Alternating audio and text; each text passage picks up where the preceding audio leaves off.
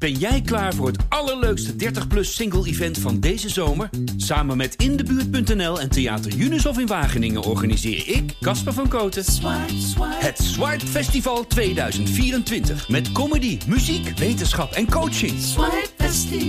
Maar vooral heel veel leuke mensen. Bestel nu je kaart op swipefestival.nl. Swipe, swipe.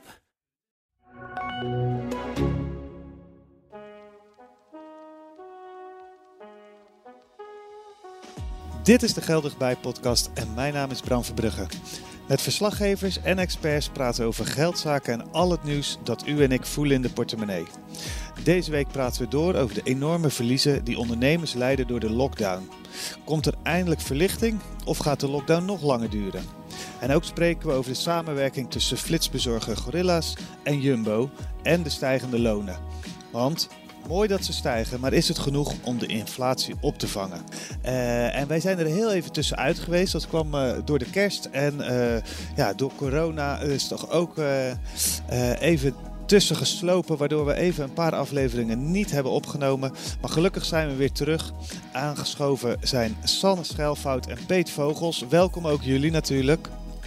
Dankjewel. Dankjewel. We beginnen is uh, met het nieuws wat uh, begin deze week gelijk opviel. Namelijk die run op elektrische auto's en op de subsidie daarvan dan met name natuurlijk.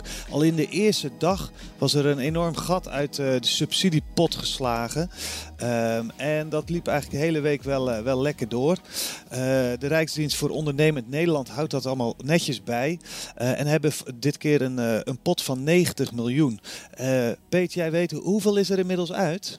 Um, nou, het, het, loopt weer lekker. Het, uh, het zijn twee potjes, 20, uh, ruim 20 miljoen voor de gebruikte auto's. Daarvan is uh, 1 vijfde inmiddels al aangevraagd aan subsidie, dus ruim 4 miljoen. En het potje van 70 miljoen voor de nieuwe elektrische auto's, daar is al een kwart aangevraagd, 18 miljoen euro tot nu toe.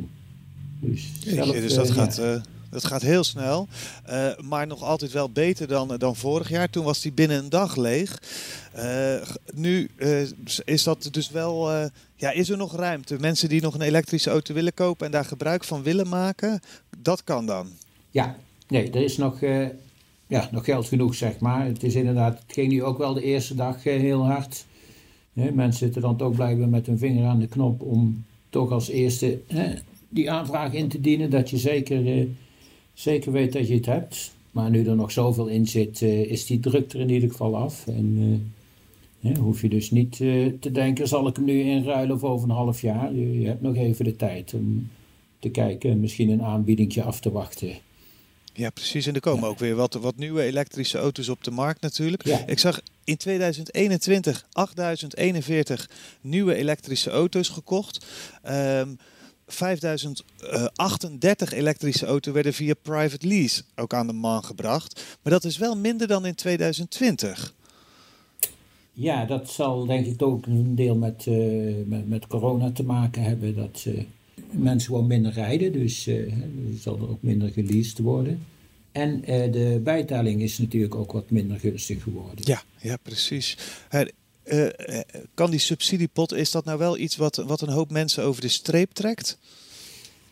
Um, ja, dat, dat is natuurlijk altijd moeilijk aan te geven. Maar ja, het feit dat hij zoveel wordt aangevraagd, uh, hè, zet mensen in ieder geval ook aan het denken over een elektrische auto. Hè, want het, is voor een gebruikte auto is de subsidie 2000 euro, voor een nieuwe 3350. Ik heb vanochtend even wat gekeken, maar de, de, een van de goedkoopste selectieauto's die ik kon vinden was een Hyundai Ioniq. Die beginnen op 27.000. Dus die subsidiebedragen zijn dan niet zo hoog dat je zegt, ja, dat, uh, dat, dat veroorzaakt op zichzelf al een run. Dat is gek als je het laat liggen. En als je toch een, een, nieuwe auto overweegt op een verbrandings, een auto met een verbrandingsmotor, krijg je geen subsidie. Dan betaal je zelfs nog extra belasting over. Dus, uh, zou zou ja. meer subsidie helpen om, om inderdaad iedereen uh, gewoon voor het milieu om over te stappen? Ja, dat denk ik wel. Ja, want het is wel opvallend natuurlijk dat de, uh, de subsidie per persoon, per auto, is wat minder geworden. Maar de totale pot is wel veel groter geworden. Ja, Ja, dus kunnen meer mensen gebruik van maken. Ja, ze hadden uitgerekend, je, ze kunnen dit jaar 2030 elektrische auto's, tweedehands elektrische auto's subsidiëren en 5368 nieuwe auto's. Denk je dat het betekent dat er, uh, dat er 7000 uh, brandstofauto's uh, van de weg gaan? Of, of nee, is het zo simpel niet te stellen? Nee, zo simpel is het niet te stellen. Van, je zag dat bijvoorbeeld in, in Noorwegen, waar ze heel zwaar subsidiëren en waar een groot deel elektrisch rijdt, dat het brandstofverbruik op een manier toch niet echt afneemt. Dus het is ook veel ja, daarbij. En, en het blijven natuurlijk toch dure auto's. Dus zeker mensen die, die, die beginnen. En, en voor jongeren zal een elektrische auto misschien niet zo snel in het budget passen. Dus die zullen dan toch gewoon een, eh, auto met verbrandingsmotor aanschaffen.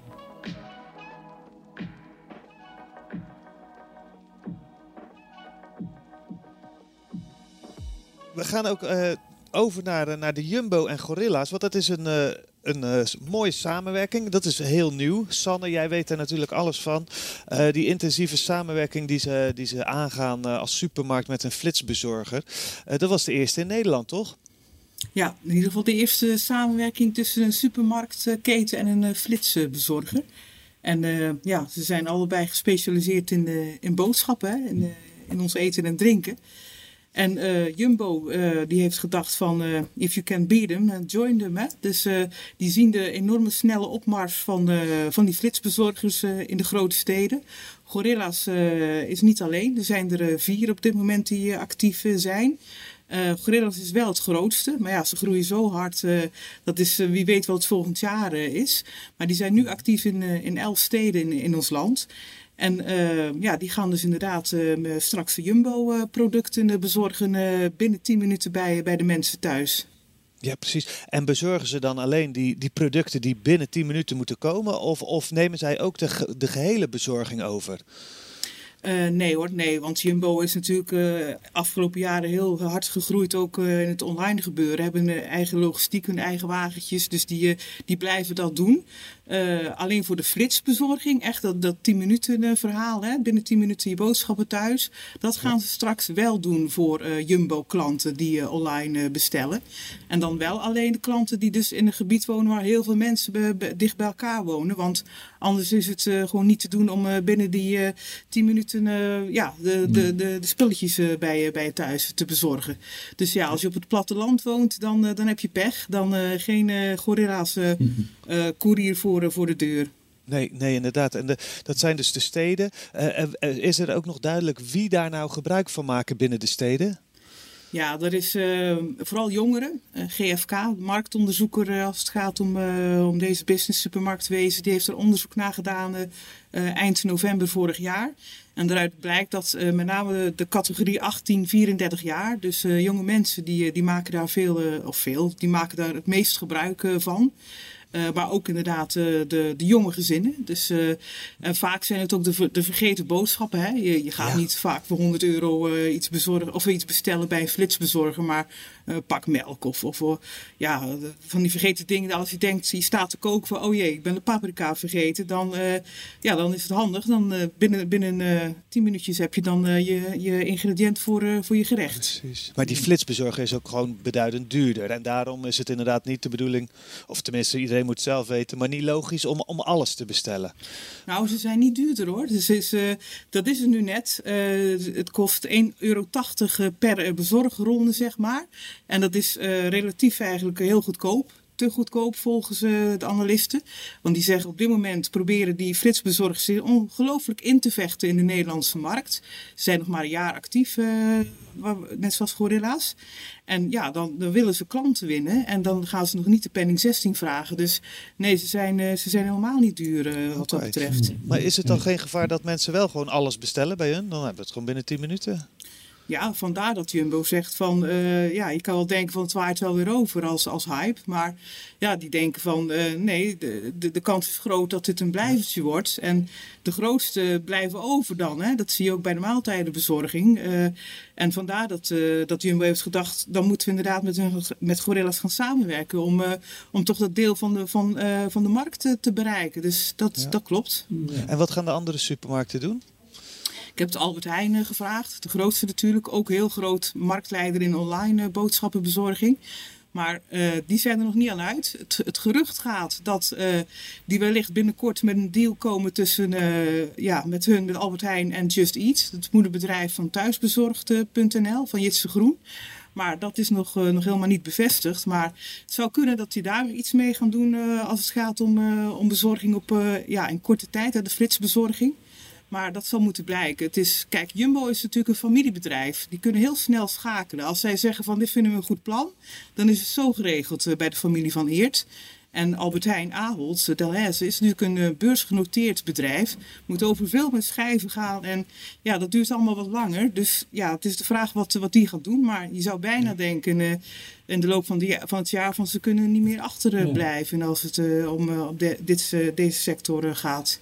Als ik straks in de supermarkt loop met mijn mandje, moet ik dan steeds uh, bukken omdat ik anders zo'n doos van die bezorgers, uh, van die flitsbezorgers tegen mijn hoofd krijg? Of, dat is een goede vraag inderdaad. ja, want nee, dat, dat, dat gaat niet gebeuren. Uh, Ton van Veen, financieel topman van, van Jumbo, die heeft gezegd dat een deel van uh, de Jumbo-winkels, en dat zijn er nogal wat, hè, dat zijn er ruim 700 inmiddels, dat, dat een deel wordt afgesloten als, als soort magazijn voor gorilla's. En gorilla's die gaat daar dus zeg maar, uh, die, die gaat daar spulletjes neerzetten van Jumbo, die ze daar inpakken voor, voor de klanten, ja, voor, voor de flitsbezorging. Mm. Dus dat is heel slim, hè? Dus dat, het is niet zo dat die bezorgers die courier straks door de, door de super supermarkten flitsen, zeg maar. Om ja. uh, alles uit de schappen te pakken en naar jou ondersteboven gaan lopen. maar uh, dat gebeurt in een apart uh, gedeelte van, van de winkel. Dat, dat is wel het plan. Okay. Dus ja. we stellen win-win voor allebei. Want dat betekent ook dat er ook minder van extra van die zogeheten dark stores komen hè, in, in de steden. Waar nu al veel ja. over te doen is. Amsterdam is al bezig met regelgeving om ze tegen te houden. In stadsdeel Westen worden ze al verboden. Want ja, er is best wel wat overlast van, van die afgeplakte plakte uh, ja, dark stores eigenlijk. En ja. ja. bij Jumbo kunnen ze straks een deel van de winkelruimte daarvoor gebruiken. En daarop voortbedurend, wat dacht je van de HEMA? Misschien dat daar straks ook wel een deel uh, van, van de HEMA-winkels uh, voor wordt ingeruimd. En ja, er zijn ook heel wat HEMA-winkels nog in, in ons land. Dus je kan er wel over filosoferen. Dat, dat ze daar, daar hebben ze echt wel over nagedacht om dat ja. samen te doen. Ja,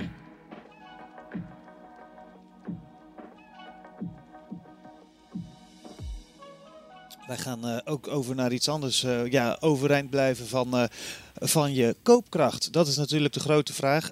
werkenden en gepensioneerden zagen hun inkomen, of gaan hun inkomen het komende jaar zien stijgen. maar die stijging, is dat voldoende om het koopkrachtverlies door de hoge inflatie te compenseren? Dat is natuurlijk de vraag. de verhoging van die pensioenen, die is natuurlijk ook opmerkelijk. Peet, kan je eens uitleggen wat daar aan de hand is? Ja, dit, uh, het betreft de verhoging in vergelijking met uh, december vorig jaar. Het is uh, loonstrookverwerker DPA doet er altijd onderzoek naar. En die kijken dan eigenlijk puur naar wat de, de, de fiscale maatregelen en, en andere kostenposten betekenen voor je salaris. En de gepensioneerden gaan er volgend jaar op vooruit. En dat heeft vooral te maken met de hogere AOW. Die is gekoppeld aan het minimumloon. En dat stijgt dit jaar en uh, daar profiteren ze van. Daarnaast zijn de uh, pensioenfondsen staan er iets beter voor dus, uh, dan vorig jaar. En dat betekent dat een deel van de pensioenfondsen, de wat kleinere, een aantal van de wat kleinere, pensioenen ook nog een beetje extra kunnen verhogen. En wat gaat het betekenen voor de werkenden? Die gaan er gemiddeld een tientje op vooruit. Dat is, dus daar ga je je koopkracht niet meer redden. En uh, er zitten wel wat uh, verschillen in. Omdat minimumloon stijgt, gaan mensen met het minimumloon er over het algemeen wat meer op vooruit. En modaal juist weer wat minder. En omdat er allerlei fiscale knoppen zijn waaraan gedraaid is, zoals de verhoging van de arbeidskorting, zie je ook dat mensen die twee keer modaal verdienen, dus tegen de 60.000 per jaar, dat die er ook nog iets meer op vooruit gaan zelfs. Dus Maar het, het, het blijft allemaal tientjeswerk. Dus, en, ja, precies. En, en je zegt het al, die inflatie wordt niet opgevangen. Want, want de prijzen die zijn op allerlei vlakken enorm omhoog gegaan. Ja, en de verwachting is dat die stijging ook nog wel even doorgaat. Omdat veel fabrikanten een tijd gewacht hebben met het doorgeven van, van die prijsverhoging. Want stel dat de prijzen weer gaan zakken, ja, je wilt ook niet gaan jojoen met die prijzen. Maar hè, zoals ook bedrijven als Unilever en zo hebben al aangekondigd dat dit jaar de prijzen verder omhoog zullen gaan. En dat uh, ze dat niet allemaal in hun marge op gaan vangen. Dus, uh, en de, ja, de schattingen lopen uiteen, maar zeg maar ruwweg tussen de 3 en de 5 procent inflatie wordt er dit jaar verwacht. ja. Met, met enorme uitschieters. Ik zag zojuist binnenkomen dat loodgieters en timmermannen hun prijzen misschien wel tot 30% gaan verhogen komend jaar. Ja, die hebben zelf natuurlijk een, eh, ook te maken met, met veel hogere inkoopkosten. Hè. Alle materiaal is, uh, is gewoon heel duur geworden. En, uh, ja. en bovendien, er is natuurlijk grote krapte. Loodgieters kunnen gewoon ook hun prijzen verhogen zonder dat ze bang hoeven te zijn dat ze, dat ze opdrachten mis gaan lopen. Wie zijn hier het meeste dupe van? Ja, de, de consument uiteindelijk. Hè. Dus, uh, maar werkenden zullen sowieso, die hebben meestal een, een loonsverhoging in de CAO. Dus, uh, en die is ook niet genoeg om de inflatie goed te maken. Dus de verwachting is niet. Uh, nee, de verwachting is echt dat mensen dit jaar gewoon uiteindelijk minder te besteden, minder kunnen besteden. Dus, en zijn bepaalde beroepsgroepen daar dan nog te dupe van? Dat die meer geraakt worden dan anderen? Of? Nee, je kunt wel stellen dat hoe lager het inkomen, hoe harder je geraakt wordt. Uh, omdat juist uh, mensen met, een, uh, met lage lonen hun, hun, hun, inkomen ook gewoon helemaal moeten spenderen. Dus voor hun telt de energienota die stijgt en, en de duurdere boodschap in de supermarkt veel harder door dan dan voor hogere inkomens.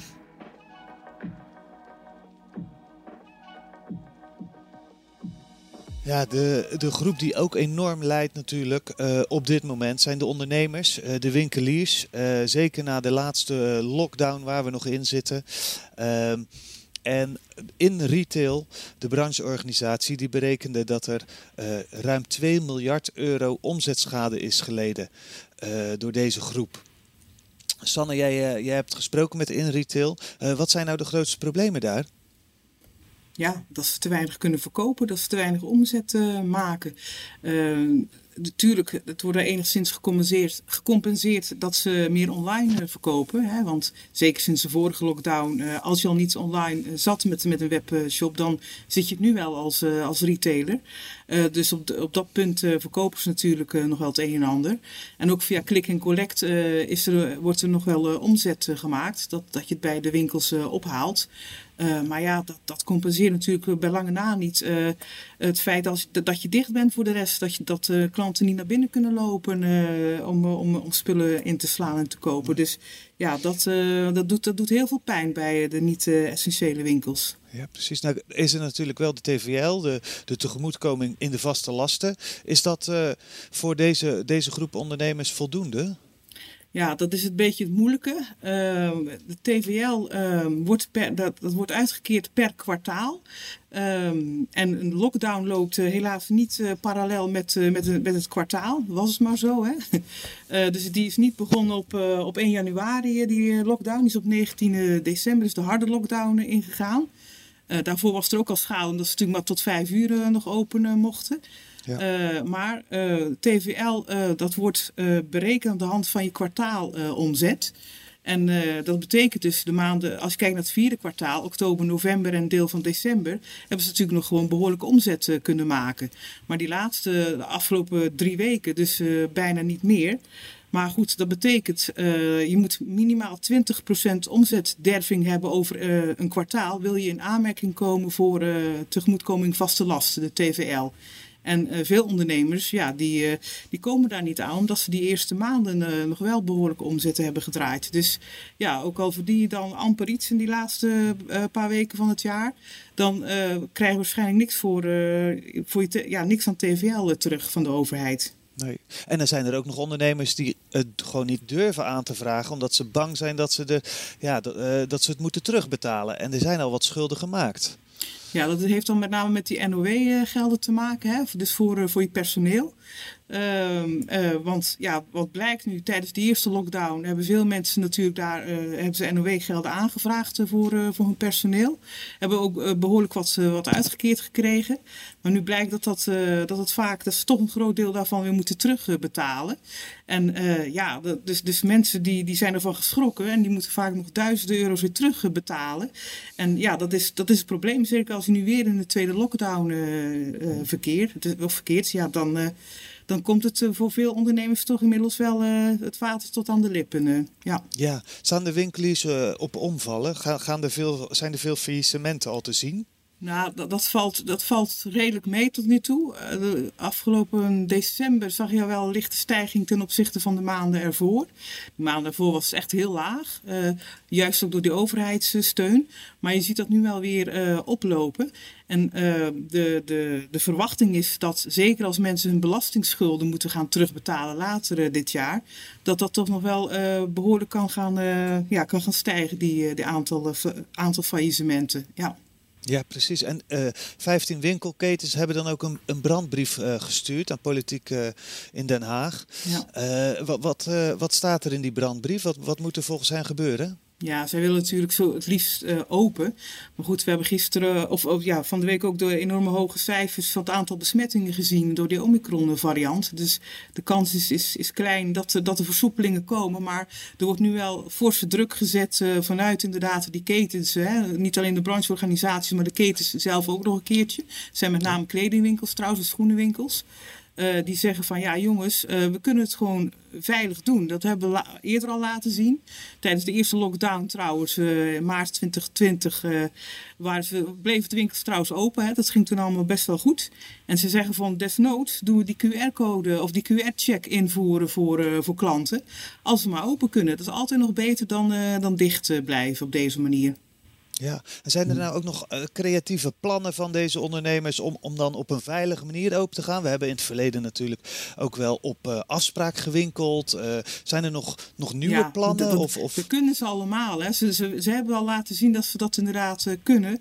En ze zeggen ook, we willen ook meer terug in, de aantal, in minder klanten per vierkante meter. Dat, daar willen ze ook allemaal aandacht aan schenken.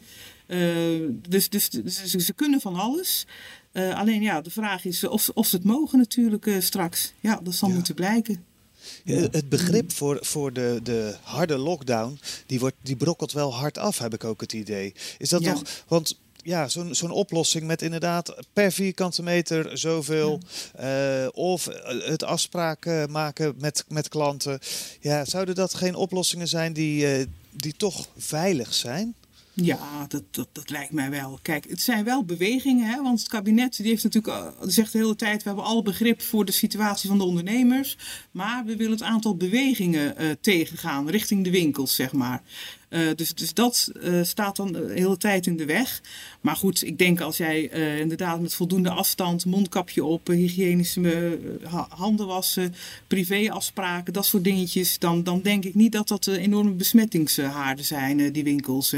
en zeker niet als je kijkt, als je in de gemiddelde supermarkt loopt of andere winkels die wel open zijn, hoe druk het daar kan zijn. Dan, nou, volgens mij hebben we nog geen grote besmettingshaarden vanuit die winkels ook geconstateerd met z'n Nee. Misschien uh, moeten ze ook een, uh, gewoon een filiaal in België openen. Ja. Als winkel. Precies, ja, Jumbo en ja. Albert Heijn, hè? maar ja, die zijn sowieso ja. al open die natuurlijk. Zijn open, ja, ja, ja.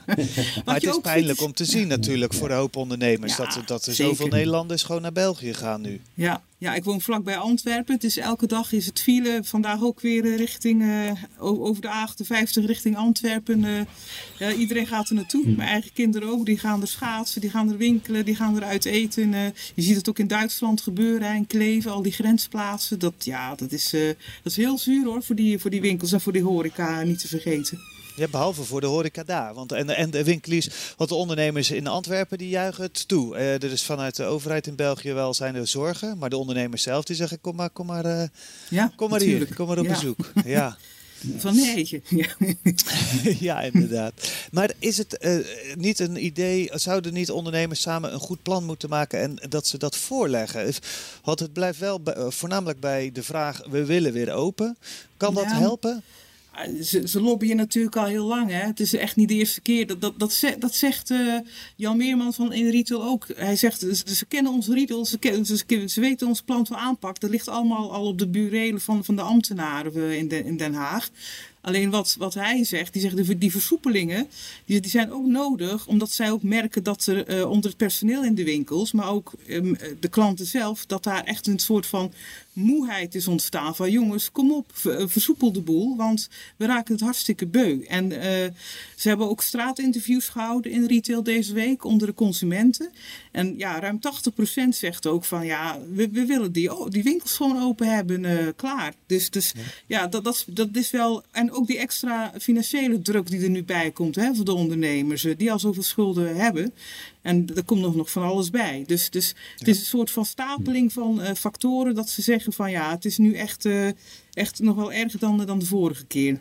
Ja, precies. En behalve dus de, de winkeliers heeft ook de horeca behoorlijk last nou ja, van, van de lockdown, maar ook van de regelgeving die niet heel flexibel is. Wat, kan je een voorbeeld geven van problemen die daar spelen? Ja, dat, dat heeft vooral ook weer met die TVL te maken, hè? met die tegemoetkoming vaste lasten.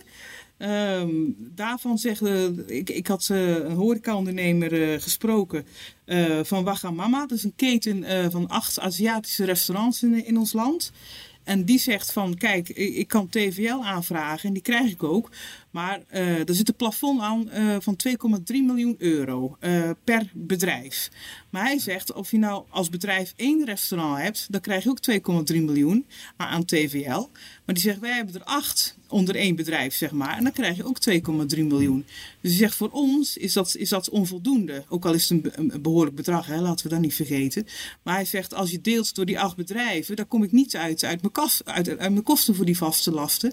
Dus ja, dan, dan heb ik een gat. En um, ja, dat, is, dat kan je niet uh, compenseren met, uh, met to-go en afhaaldingetjes natuurlijk. Nee. Dus, en bezorging. Dus dat nou is, is, voor hun uh, een probleem. Ja, precies. Maar er is wel een werkgroep, heb ik begrepen, die, die dit soort hele specifieke gevallen probeert op te lossen. Ja, de, de, de, de schrijnende gevallen, zeg maar. Die, daar wordt inderdaad uh, in Den Haag is daar, is er een werkgroep of een commissie voor, uh, voor opgericht die daarnaar kijkt. Uh, hoe daarmee om te gaan. En ja, Stef Blok, nu nog, nog eventjes demissionair minister van Economische Zaken, die heeft ook gezegd van we, willen, we willen echt nog wel wat extra's doen. Alleen ja, het is aan het nieuwe kabinet om, om, dat, om dat te gaan regelen vanaf volgende week. Dus er zullen een hoop organisaties gaan lobbyen richting Den Haag, verwacht ik zo. Ja, inderdaad. En nog even los van het lobbyen of wat, wat. Het zou ook nog zomaar een langere lockdown kunnen, kunnen gaan worden. Ja, ja ik, uh, ik vrees met grote vrees inderdaad. Misschien dat ze wel iets, iets kunnen doen, iets van versoepeling. Maar misschien hè, dat winkel op afspraak waar we het net over hadden. Maar ze zullen nog echt niet alles opengooien. Uh, daar, geloof ik niks van. Zeker niet met, die, uh, met dat omikron dat nu door ons land raast, zeg maar. Dus dat is een beetje ook afhankelijk van de ziekenhuisopnames. Daar, daar kijken ze vooral naar. Maar ja, we gaan, we gaan het zien volgende week vrijdag wat er wordt afgekondigd door het nieuwe kabinet, kabinet in dit geval. Ja. Ja, de winkeliers en de horeca die, die kijkt met smacht mee natuurlijk in de hoop ja. dat het uh, wel wat verlichting uh, verzorgt. Ja, we eindigen niet heel, uh, niet heel opbeurend zo, maar dit is wel de realiteit waar we in zitten. er komt nog mogelijk een, ja, een periode aan waar we toch moeten wennen aan alle, alle maatregelen die rond corona nodig zijn.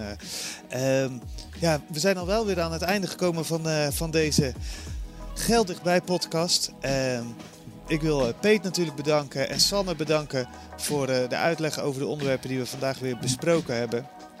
En uh, vond u het als luisteraar een, een, fijne podcast? Abonneer dan op de kanalen. U kunt op alle gebruikelijke kanalen onze podcast vinden.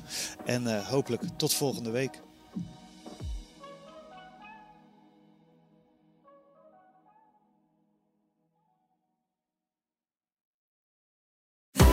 Van de elektrische bezorgwagentjes van Picnic en de elektrische fietsen van Van Moof tot de wereldveranderende missie van Tony Chocolonely. Welke inspirerende verhalen schuilen er achter deze succesvolle Nederlandse bedrijven? Dat was eigenlijk voor ons wel op een gegeven moment dat we dachten: hé, hey, wacht eens even. Dit kan wel eens heel groot worden als zoveel mensen in de testfase al enthousiast zijn. Toen ik het uiteindelijk gekocht heb, toen had ik me zo diep in de schulden gestoken dat ik echt ook het gevoel had van nu moet ik ook verdorie laten zien dat het werkt. In Sleutel tot Succes krijg je een kijkje achter de schermen bij het ontstaan van succesvolle Nederlandse bedrijven.